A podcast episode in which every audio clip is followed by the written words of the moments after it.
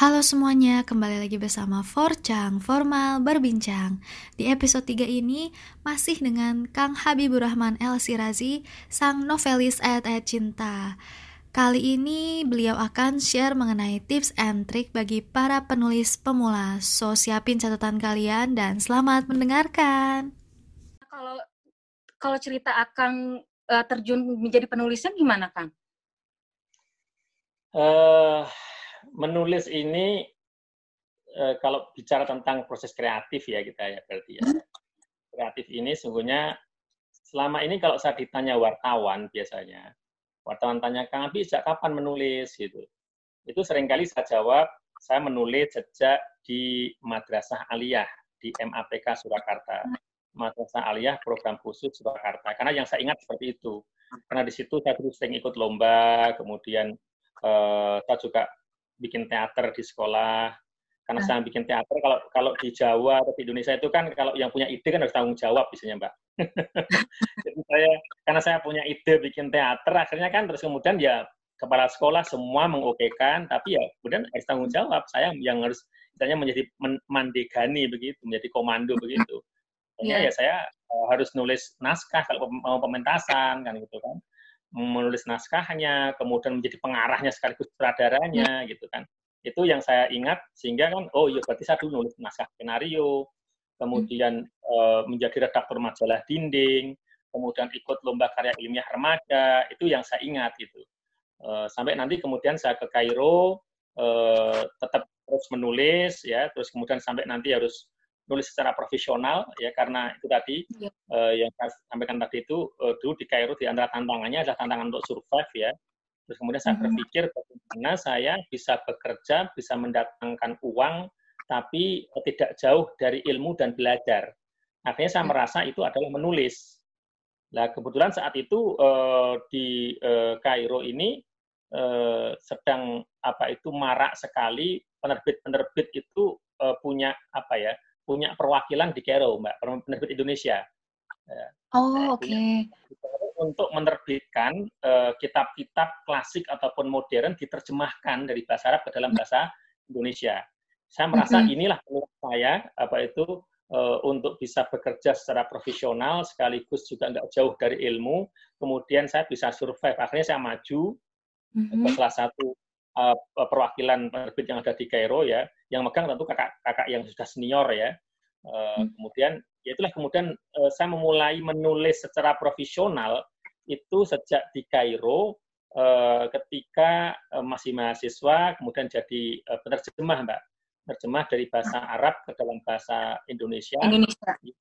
Kalau mbak ingin tahu detailnya rasanya jadi penerjemah, itu boleh dibaca ayat-ayat cinta, yang ayat cinta yang pertama, tokoh mm-hmm. Fahri sampai dia terjemah sampai muntah-muntah gitu ya. Itu sebenarnya saya menceritakan pengalaman saya sendiri saat itu. Iya, iya.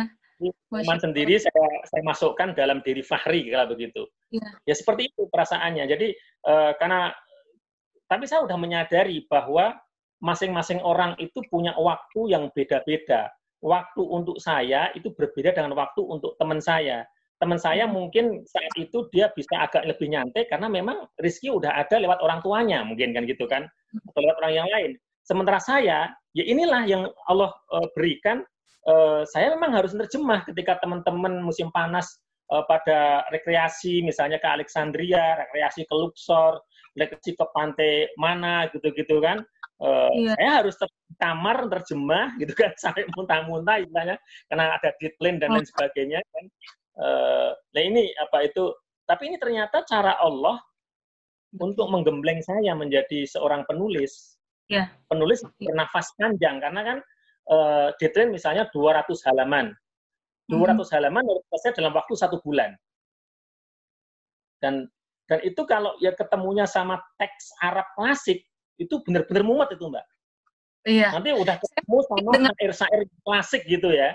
Masya Allah. Klasik buka kamus saja belum ketemu itu maknanya ini apa ini kan karena kalau syair itu kadang-kadang ada yang dibuang ada yang uh, apalagi klasik kan tapi iya. alhamdulillahnya apa alhamdulillahnya ada di negara memang berbahasa Arab dan hmm. alhamdulillah kita juga memang apa itu alhamdulillah Allah beri berikan kita ini uh, apa itu digerakkanlah kita ini apa itu sering ke masjid kan begitu kan. Hmm. Jadi kalau saya menemukan kesusahan, saya bawa aja bukunya itu, kitabnya itu sambil sholat jamaah. Nanti kalau udah habis selesai, saya tanyakan sama imamnya. Yeah. kan seneng imam ditanyain kan, ini maksudnya apa ini? Oh, dia seneng kan ditanyain kan, terangkan sama dia detail lah. Oke, udah tahu kita. Tinggal terjemahkan lagi gitu. Ya kira-kira begitu. Jadi uh, akhirnya apa? Satu bulan hmm. karena deadline 200 halaman kadang-kadang, ya emang nggak ke mana-mana. Lihat matahari ya ketika kita sholat, itu karena kalau ya. kalau enggak itu makan pakai hmm. uangnya siapa? Bayar apartemen pakai miliknya iya. siapa? Ya. Masya Allah, benar. Gitu.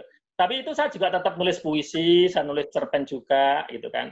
Jadi kalau saya ditanya ditanya wartawan awal mula nulis sejak kapan, dulu saya sering, sering saja begitu, mulai dari di Madrasah Aliyah.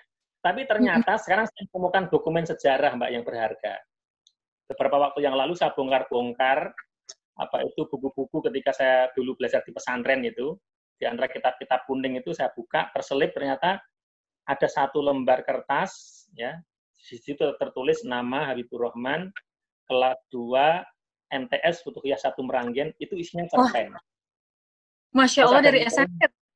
Ah, dan nilainya dinilai sama guru saya saat itu sembilan nilainya. Alhamdulillah. Wow. Berarti saya nulis itu sejak di madrasah sanawiyah, bukan di madrasah uh, aliyah.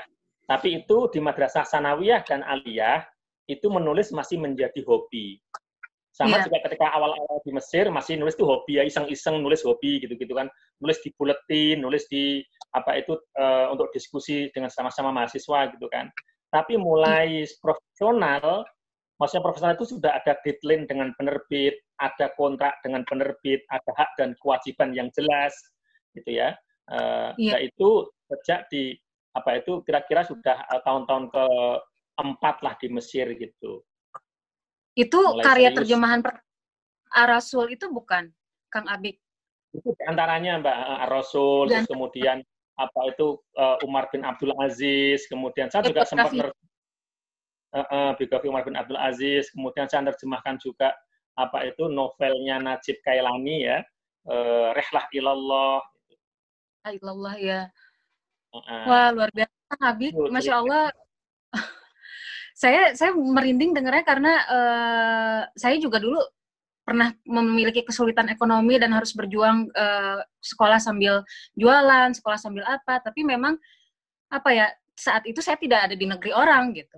Tapi Kang membayangkan Kang Abik tadi dikirim saja ke Kairo di modali tiket pesawat, kemudian struggle-nya Kang Abik di sana sambil studi, sambil tadi jualan telur asin, sambil menulis itu wah Kang Abik luar biasa. Mudah-mudahan banyak yang terinspirasi dari kisahnya Kang Abik ini dan juga banyak yang nggak nggak mudah putus asa gitu dalam baik misalnya mereka sedang mengalami hardship gitu sedang mengalami tantangan tantangan tantangan di hidupnya jadi bisa banyak belajar juga dari Kang Abik gitu mudah-mudahan dan tantangannya kalau jadi seorang penulis ini sebenarnya seperti apa ya Kang Abik ya tantangan penulis itu sesungguhnya paling besar itu tantangan justru diri sendiri mengalahkan oh. itu tantangan terbesar sebenarnya. Jadi bukan bukan bukan orang lain, bukan penerbit. Kadang-kadang orang kan masa begini, wah nanti apa itu masukkan ke penerbit susah. Sebenarnya tantangan terbesar itu yang mengalahkan diri sendiri. Apalagi sekarang Betul. itu uh, penerbit itu sangat-sangat terbuka ya, banyak sekali penerbit bahkan ibaratnya kalau kalau kalau penerbit mainstream nggak menerbitkan itu pun uh, bisa mm-hmm. terbitkan mm -hmm. sendiri dan banyak yang udah berhasil ya uh, sekarang dengan media apa itu online yang yang sangat memudahkan itu uh, dengan Facebook aja orang sudah bisa uh, jualan itu kan kalau karya itu mhm. bagus mm -hmm. itu cepat akan uh, viral ya saya ketemu anak-anak mm -hmm. muda dari kan tidak dari dari dari ini ya dari pelosok Sulawesi sana gitu kan dia nulis tunjukkan ke saya bagus kemudian uh, kemudian dia apa itu uh, self publishing gitu ya itu bisa sampai apa itu uh, uh, cetak beberapa kali gitu. Dan kemudian yeah. artinya kalau dicetak dulu justru keuntungan itu double kan. Uh, keuntungan dia sebagai yeah. penulis, ya kan? Keuntungan dia sebagai penerbit kan gitu kan. Jadi nggak uh, diambil oleh penerbit sebetulnya. Itu secara secara ini. Jadi kalau saya ditanya tentang tantangan uh, menjadi penulis itu adalah tantangan mengalahkan diri sendiri karena uh, penulis nggak ada yang mendisiplinkan penulis, Mbak.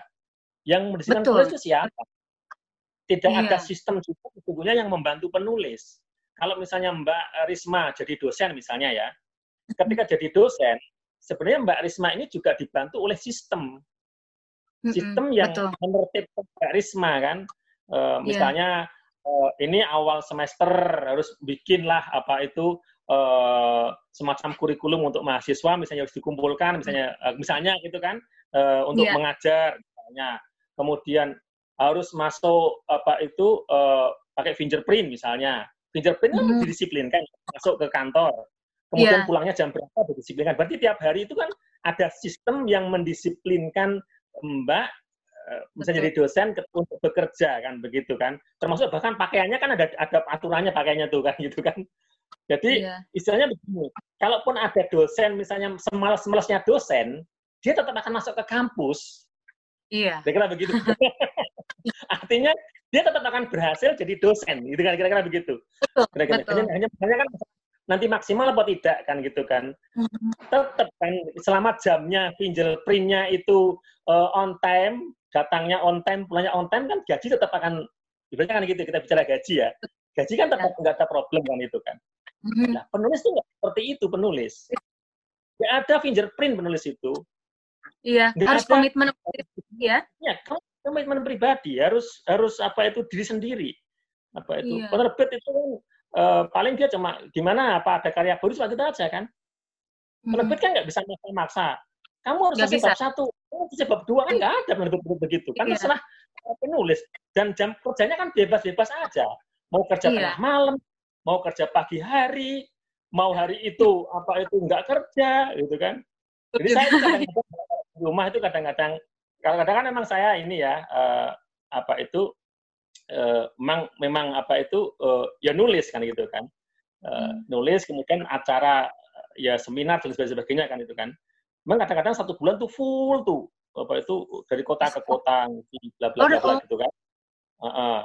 terus kadang-kadang kemudian apa itu ada saatnya saya pengen rehat justru Mhm. yang paling sibuk itu saya sering kali malah justru hari yang paling padat itu kan malah akhir pekan kan biasanya gitu Iya. Iya.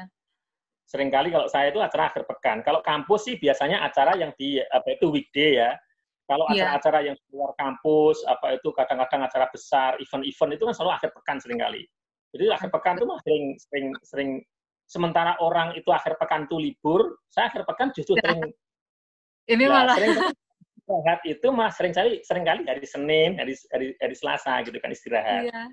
Nah, kadang-kadang Ah, Senin itu kan saya nyantai di rumah ya. nyantai gitu kan keluar ke Iya. masjid nyantai gitu kan orang terus kemudian tetangga itu tanya e, Iya. mas anu nje kalau bahasa Jawa ya. Mas eh, libur nje. Mas libur ya? Oh ya libur.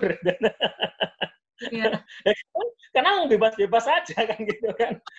Iya. karena emang nah artinya kembali eh, ke ke apa itu tentang menulis. Ya menulis itu kita yang ngatur diri kita sendiri.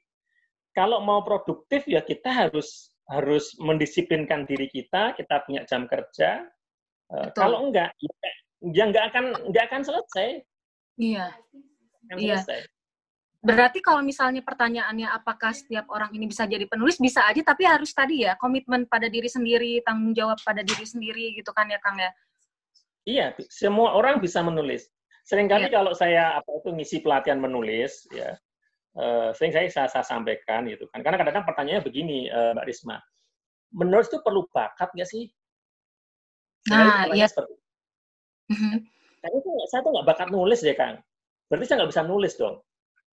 Kayaknya eh, Ngapi ini bakat banget sih. Helvi itu bakat banget sih. Mhm. MH Ernest itu bakat banget, makanya enak tulisannya. Kalau begitu. Mhm. Jadi nulis itu perlu bakat. Nah, begitu. Seringkali begitu. Seringkali saya jawab. Sebenarnya sebenarnya definisi bakat itu apa? Apakah bakat itu definisinya adalah eh, kemampuan lebih yang disediakan oleh Tuhan kepada seseorang sejak dia lahir melebihi Mhm. yang lain? Seperti itik yang lahir dilempar ke payo langsung bisa berenang itu seperti itu bakat atau apa? Mhm. Atau kerja keras ya malah. Heeh. Kemudian kan kalau kalau kita lihat sejarah ya sejarah orang-orang berhasil ternyata uh, mereka nggak nggak murni seperti itu gitu. Mm-hmm. Misalnya ada penulis, misalnya penulis uh, sastrawan yang yang terkemuka, misalnya Joni Aryadinata, Mas mm-hmm. Joni Aryadinata, itu sastrawan yang yang cerpenis yang yang yang luar biasa ya. Itu beliau dulu uh, tukang becak. Ketika awal-awal ditulis cerpen itu juga istilahnya diremehkan sama sama tukang becak. Dia nulis sampai berulang-ulang kali, kemudian kirim ke media ditolak, nulis lagi, kemudian ke media bertolak, itu sampai sampai berpuluh kali, bahkan eh, konon sampai ratusan kali dia nulis dan ditolak-tolak gitu. Iya, sampai Masya Allah. Akhirnya, sampai akhirnya suatu ketika diterima cerpennya. Mm-hmm. Dan kemudian cerpen itu diterima di Kompas, bahkan kemudian menjadi uh, cerpen terbaik Kompas. Mm-hmm. Kemudian Wah, luas banyak banyak apa itu banyak kritikus sastra nih cerpen yang luar biasa bla bla bla bla bla kan gitu kan. Dan Joni Aryadinata terus menulis. Terus kemudian apa? Pujiannya adalah Joni Aryadinata orang yang sangat berbakat. Artinya hmm. kalau tadi bicara tentang uh, tadi dia sekian kali nulis itu ditolak kalau seandainya dia berhenti saat itu dia berhenti hmm. wah berkali-kali ditolak saya nggak akan nulis lah gitu kan. Yeah. maka orang nggak akan kenal Joni Aryadinata. Dan orang nggak akan tahu tapi karena dia terus menulis, nggak berhenti, akhirnya bahkan tulisan-tulisan dia yang mungkin dulu ditolak itu kemudian di setelah dia terkenal itu kemudian dikirim ke media diterima dan dipuji kan gitu kan Iya. Hal yang sama juga terjadi pada MH Enu Najib.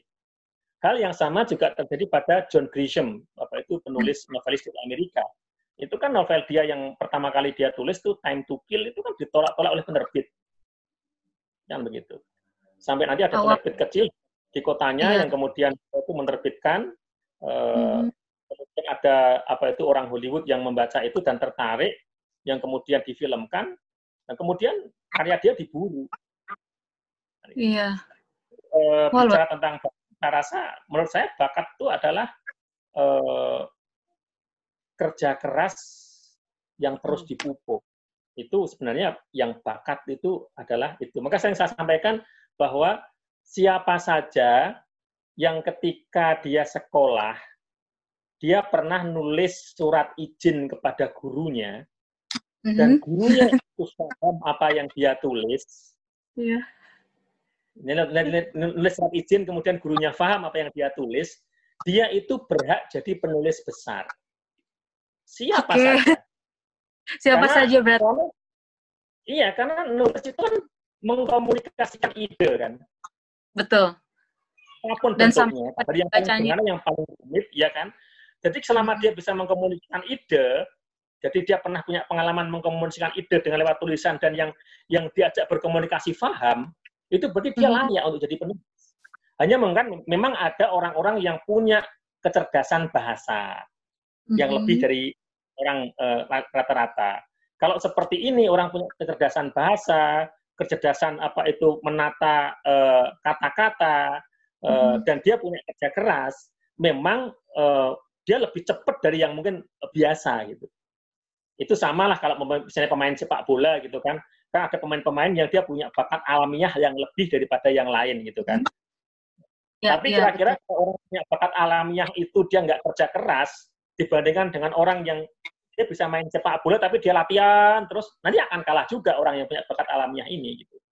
Iya. Nah kalau dia bakat alamiah juga kerja keras dipupuk, ya ini akan dahsyat, akan jadi ledakan. Insya Allah iya. Asal tadi ya nggak tidak mudah menyerah gitu, gigi bekerja keras. Iya. Dan iya. komitmen ya pada diri sendiri ya. Benar komitmen. Betul. Karena betul. Uh, kita mbak apa itu uh, dan penulis itu nggak bisa dibantu sekali lagi, nggak bisa dibantu Betul. oleh uh, sistem. Yeah. Dan kita harus menyelesaikan. Kalau misalnya gini, yeah. uh, sebagian teman kita nih, riset PSD kan ada ada ada riset itu kan pakai tim kan ada juga kan? Iya. Yeah, yang yeah. risetnya pakai tim kan ada juga. Itu kan sebenarnya juga dibantu oleh sistem yeah. tim itu kan gitu kan. Betul. Tapi kalau kita nulis, iya. misalnya, mau nulis, misalnya Mbak, Mbak, Arisma mau nulis opini misalnya, itu kan nggak bisa Mbak Arisma bilang hmm. ke teman, tolong dong tuliskan dong untuk saya. Iya, nggak bisa. Kan bukan tulisannya Mbak Risma dong, kan tulisannya temen itu nah. namanya. nulis ya ya jadi ya, kalau ya, misalnya ya kita, kita nulis gitu iya yang betul sih mas eh, apalagi eh kang eh, apalagi tadi berarti kalau misalnya kita meminta orang atau hanya mengutip omongan orang berarti kan itu ke arah-arah tendensinya ke arah-arah plagiarisme ya Kang ya. Dan itu kan sangat dilarang ya dalam dunia uh, nulis-menulis ini gitu. Iya, kalau kalau kalau apa itu yang nuliskan orang lain terus kemudian diaku menjadi milik dia ini dia, kan istilahnya ya aib kan sebenarnya kan? Iya. Enggak. Betul. Dia, dia, dia juga sebenarnya dalam juga tahu bahwa itu bukan tulisan dia kan gitu kan itu bukan tulisan dia. Kan? Mm-hmm. Iya. Nulis tuh ya memang kita harus nulis. Kalaupun uh, kita misalnya bikin satu satu uh, buku misalnya di buku itu kita mengutip ya kan sudah ada ada apa tuh code of conduct-nya, ada aturan bagaimana mengutip uh, yeah. apa itu milik orang lain harus harus di, harus dijelaskan referensinya kan begitu kan. baru pemikiran utuh yeah. besarnya itu kita kemudian yang merangkai kalimat juga kita kan gitu. Iya, betul betul. Kalau dari Akang sendiri nih, bagi uh, teman-teman yang uh, mulai menulis nih, yang atau ada ada yang ketertarikan untuk menulis atau penulis pemula, uh, tips selain yang tadi ada lagi nggak, Kang? Uh, nulis itu uh, style-stylenya itu kan uh, bermacam-macam ya di dalam ketika kita nulis uh, sebuah tulisan nanti ada narasi, ada argumentasi, ya itu waktu waktu anilah zaman-zaman SMA dulu lah kan itu kan berasal belajar itu kan. Eh, dan itu itu itu sudah sudah satu keniscayaan ketika uh, pada akhirnya kita menulis pasti akan masuk itu. Apakah saat itu kita berargumentasi atau saat itu kita bernarasi uh, atau saat itu bereksposisi kan gitu kan. Nah untuk melatih itu, melatih keprigelan untuk menulis itu memang perlu apa itu pembiasaan, perlu jam terbang. Karena menulis, menulis itu Betul. maksudnya di ranah skill ya. Skill bukan knowledge. Mungkin yang ditulis itu knowledge. Yang ditulis itu knowledge. Tapi menulisnya itu skill. Ya kan? Kalau skill, kata kunci skill itu adalah practice. Sama seperti memasak, sama seperti berenang, mm-hmm. sama dengan naik sepeda, itu kan semua jenis-jenis skill. Kalau dia jenis skill itu berarti kata yeah. kuncinya adalah atau jam terbang. Semakin semakin apa itu uh, tinggi jam terbangnya, ya dia akan semakin perfect di situ. Practice make perfect uh, yang yang kita sama-sama tahu kan gitu. Menurut juga sama. Uh, kalau kita sering practice, nanti akan uh, perfect. Uh, contoh beginilah, yeah. contoh misalnya wartawan lah wartawan pemula dengan wartawan yang udah senior. Ini ada wartawan pemula nih, baru masuk gitu kan, eh, kemudian dia diterjunkan lah untuk menjadi reporter gitu kan, eh, acara karena acara kepresidenan lah misalnya, eh, dia dikirim. Ya. Begitu presiden itu turun dari mobil, kalau wartawan pemula dia bingung ngambil selahnya, ngambil angle-nya itu mau nulis apa ini gitu kan. Sementara wartawan yang sudah apa itu senior, jadi baru presiden turun dari mobil aja itu udah langsung punya bahan gitu kan. Iya. bahannya misalnya, misalnya nih, ternyata dia melihat begitu keluar dari mobil itu kaos kakinya itu selen gitu kan. Yang kanan tuh kaos kakinya berwarna apa itu uh, hitam, kemudian yang kiri berwarna hijau gitu kan, gitu kan. Itu kan wartawan jeli kan, nih. Kemudian iya. dia uh, foto, langsung langsung otomatis itu dia udah langsung punya laporan udah gitu kan. Jadi presiden belum masuk ke gedung baru ini kenapa? Karena dia sudah ketajaman-ketajaman sebagai seorang penulis itu sudah keluar saat itu. Sementara yeah. penulis pemula bingung mau apa lagi, judulnya apa lagi nih, pusing yeah. dia. Kenapa? Karena belum terlatih. Nanti kalau udah terlatih, dia akan uh, perfect. Penulis pemula juga begitu, Mbak. Bikin paragraf pertama, dibaca berulang-ulang kali, terasa jelek, hapus, nulis lagi, dibaca lagi kok kelihatan jelek, dihapus lagi, begitu berulang-ulang. Karena saya juga pernah jadi pemula dulu. saya udah pernah bikin tuh, Kang. Kayak ah, saya juga dari dari dari kecil itu dari SMP itu aktif di majalah dinding, terus sering jadi apa? Eh, jadi redaksi gitu ya terus sempat uh, banyak juga puisi-puisi yang tercecer di mana segala macam. Cuman memang godaannya betul diri sendiri. Karena sudah menulis sudah nulis kayak misalnya satu halaman kan suka dibaca ulang tuh. Terus langsung nggak pede dihapus lagi gitu. Itu tuh kayak kayak apa ya selalu kayak gitu. Karena uh, mungkin godaan juga ya kali ya kang ya. Kalau kayak gitu jadi nggak nggak nggak berani mencoba. Iya, jadi gini, eh, itu salah satu penyakit pemula seperti itu, Mbak. Itu itu saya alami juga iya. itu. Jadi gini, penyakit pemula iya. itu sering kali dia pas menulis itu juga sekaligus jadi editor. Ini, ah, ini penyakit iya. pemula. Nulis sekaligus jadi editor, hmm. bikin cerpen gitu misalnya. Bahkan baru judul aja, dia nulis judul, itu sekaligus editor. Iya, baru judulnya, iya. atau mengedit kok jelek ya hapus judul lagi hapus iya. lagi itu sudah satu jam itu bikin judul nggak selesai selesai makanya kemudian selesai judul terus bikin yeah. paragraf pertama bikin paragraf pertama juga begitu dia bikin paragraf pertama langsung jadi editor yeah. dia baca jelek hapus lagi itu kan kalau di laptop itu di hapus nulis lagi yeah. nulis lagi di hapus akhirnya dua jam itu nggak jadi tulisan capek nggak jadi. ya Nggak jadi. Maka tipsnya, tipsnya kalau mm -hmm. mau mm-hmm. nulis, ketika nulis, jadilah penulis saja. Jangan jadi editor. Iya, iya, iya, iya. Nulis saja terus ya, baru nanti dibaca. Ya. Ah, oke. Okay, ya, kalau misalnya cerpen, ya ngomongkan sampai selesai cerpen itu. Udah selesai, yeah. ya baru baru Anda boleh menjadi editor pertama sebelum diedit oleh editor yang sesungguhnya, Anda jadi editor duluan. Kalau udah rampung cerpen iya. misalnya 15 halaman, itu masa mau kita buang semuanya kan eman-eman, Mbak. Iya, betul. Betul, betul, Kang. Saya kasih tip misalnya kalau kalau misalnya nanti pas ngedit ya. Pas ngedit itu jangan di file yang aslinya. Jadi ketika mau ah. ngedit, file asli, kemudian Anda copy, bikin file yang kedua itu yang untuk editing. Nanti bisa Anda bandingkan nantinya. Ah, iya iya iya iya, betul betul. Ini pertemuan pertama, set. Iya, jangan langsung itu udah selesai kan?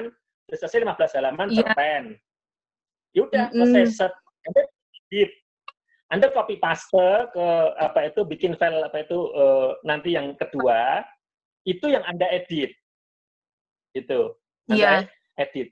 Kadang-kadang, Mbak, kadang-kadang ketika kita mengedit, ada paragraf kita buang.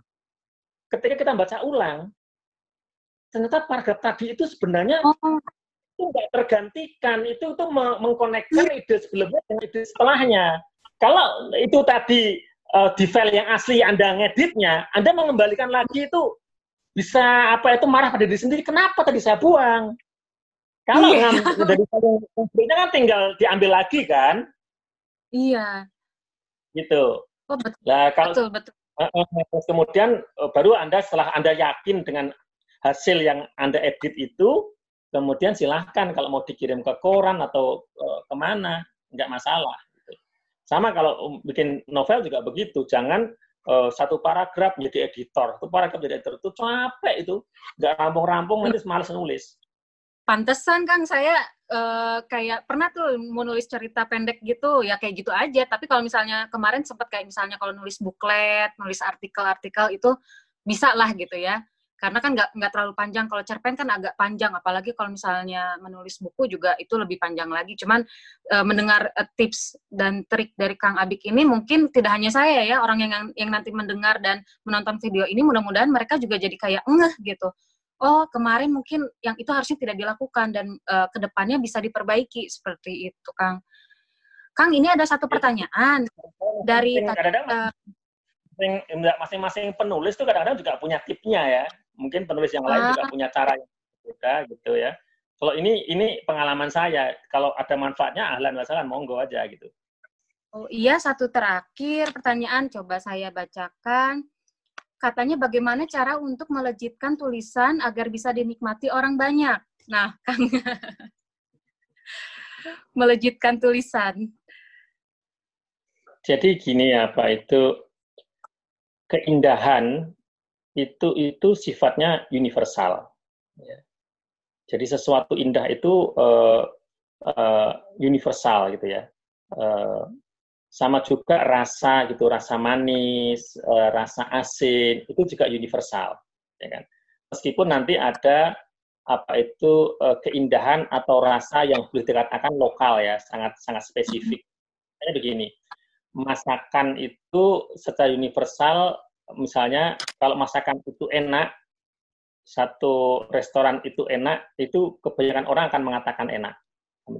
Meskipun nanti kadang-kadang ada yang sifatnya agak lokal, misalnya begini, eh, masakan kalau khasnya orang Jogja, Solo itu agak manis, misalnya sayurnya ya. agak manis. Kalau nanti mungkin apa itu orang-orang eh, daerah Padang itu lebih suka yang pedas gitu kan. Tapi sesungguhnya eh, eh, misalnya apa itu ayam goreng itu enak dan tidak itu universal dan begitu. Sama juga apa itu foto ya sebuah foto itu sebuah foto pemandangan gitu kan. Kalau itu pemandangan yang cantik, pemandangan yang indah, siapa saja dari negara mana saja, tua dan muda, diperlihatkan foto itu, dia akan mengatakan itu indah. Itu in, indah. indah. Meskipun hmm. mungkin uh, ada timbangan-timbangan tertentu bagi keindahan seseorang itu agak berbeda terkait sama yang unik-unik gitu ya. Yang hmm. unik-unik gitu misalnya. Jadi misalnya musik eh, yang unik itu bagi daerah tertentu ini indah tapi mungkin ada orang yang nggak suka dengan musik itu karena terkait sama etik. Tetapi musik secara umum itu juga keindahannya itu juga ada yang sifatnya universal. Nah, sama dengan uh, keindahan bahasa. Keindahan ah. bahasa itu juga uh, sebenarnya universal, gitu kan. Atau keindahan cerita. Keindahan cerita itu juga universal. Jadi untuk menilai sebuah cerita ini bagus apa tidak, untuk yang awal sekali, itu tidak memerlukan bahwa dia harus harus seorang profesor yang ngerti sastra. Iya. Yeah. Jadi eh, tadi kan terkait sama sama sama ini ya untuk melejitkan. Jadi Mbak kalau Mbak mm-hmm. nulis sebuah cerita misalnya, eh, selesai nulis sebuah cerita, coba saja diminta eh, orang yang terdekat Mbak yang Mbak percaya atau Mas itu, yang eh, Anda percaya eh, untuk membaca cerita itu. Menurut ah, proofreading Suruh minta baca. baca. Ya. Itu enak. Cerita itu menarik apa tidak? Uh-huh. Kan? Wah, saya baca itu nangis saya. Berarti bagus. Oh, oke. Okay. Ya. Kan? Karena karena uh, sebuah cerita itu pertama itu kan di cerita itu ada dua ya uh, keindahan itu. Pertama keindahan bahasanya, yang kedua keindahan cerita itu sendiri, alur ceritanya itu. Mungkin bahasanya itu belum indah, tapi ceritanya bagus, orang itu juga bisa apa itu bisa tersentuh gitu kan. Dan kalau, mm-hmm. kalau misalnya belum baca kemudian uh, teman yang anda percaya bilang, wah saya kok membaca ceritamu kok pusing saya ya. baca cerita pusing. Gitu. Kemudian bahasanya juga kemudian anda oke, okay, Anda perlu uh, second opinion, perlu opini yeah. yang ya. kedua. Coba uh, sekarang orang yang kedua, kalau dia bilang, aku juga, dia bilang, Anda jangan bilang bahwa udah dibaca orang lain. Coba, coba. Dia baca yeah. bilang, kok pusing ya, aku nggak paham ya ketahuilah cerita Anda memang bikin orang pusing. Udah dua orang soalnya ya. Kan begitulah. Berarti Anda masih masih perlu uh, belajar bagaimana bikin uh, cerita.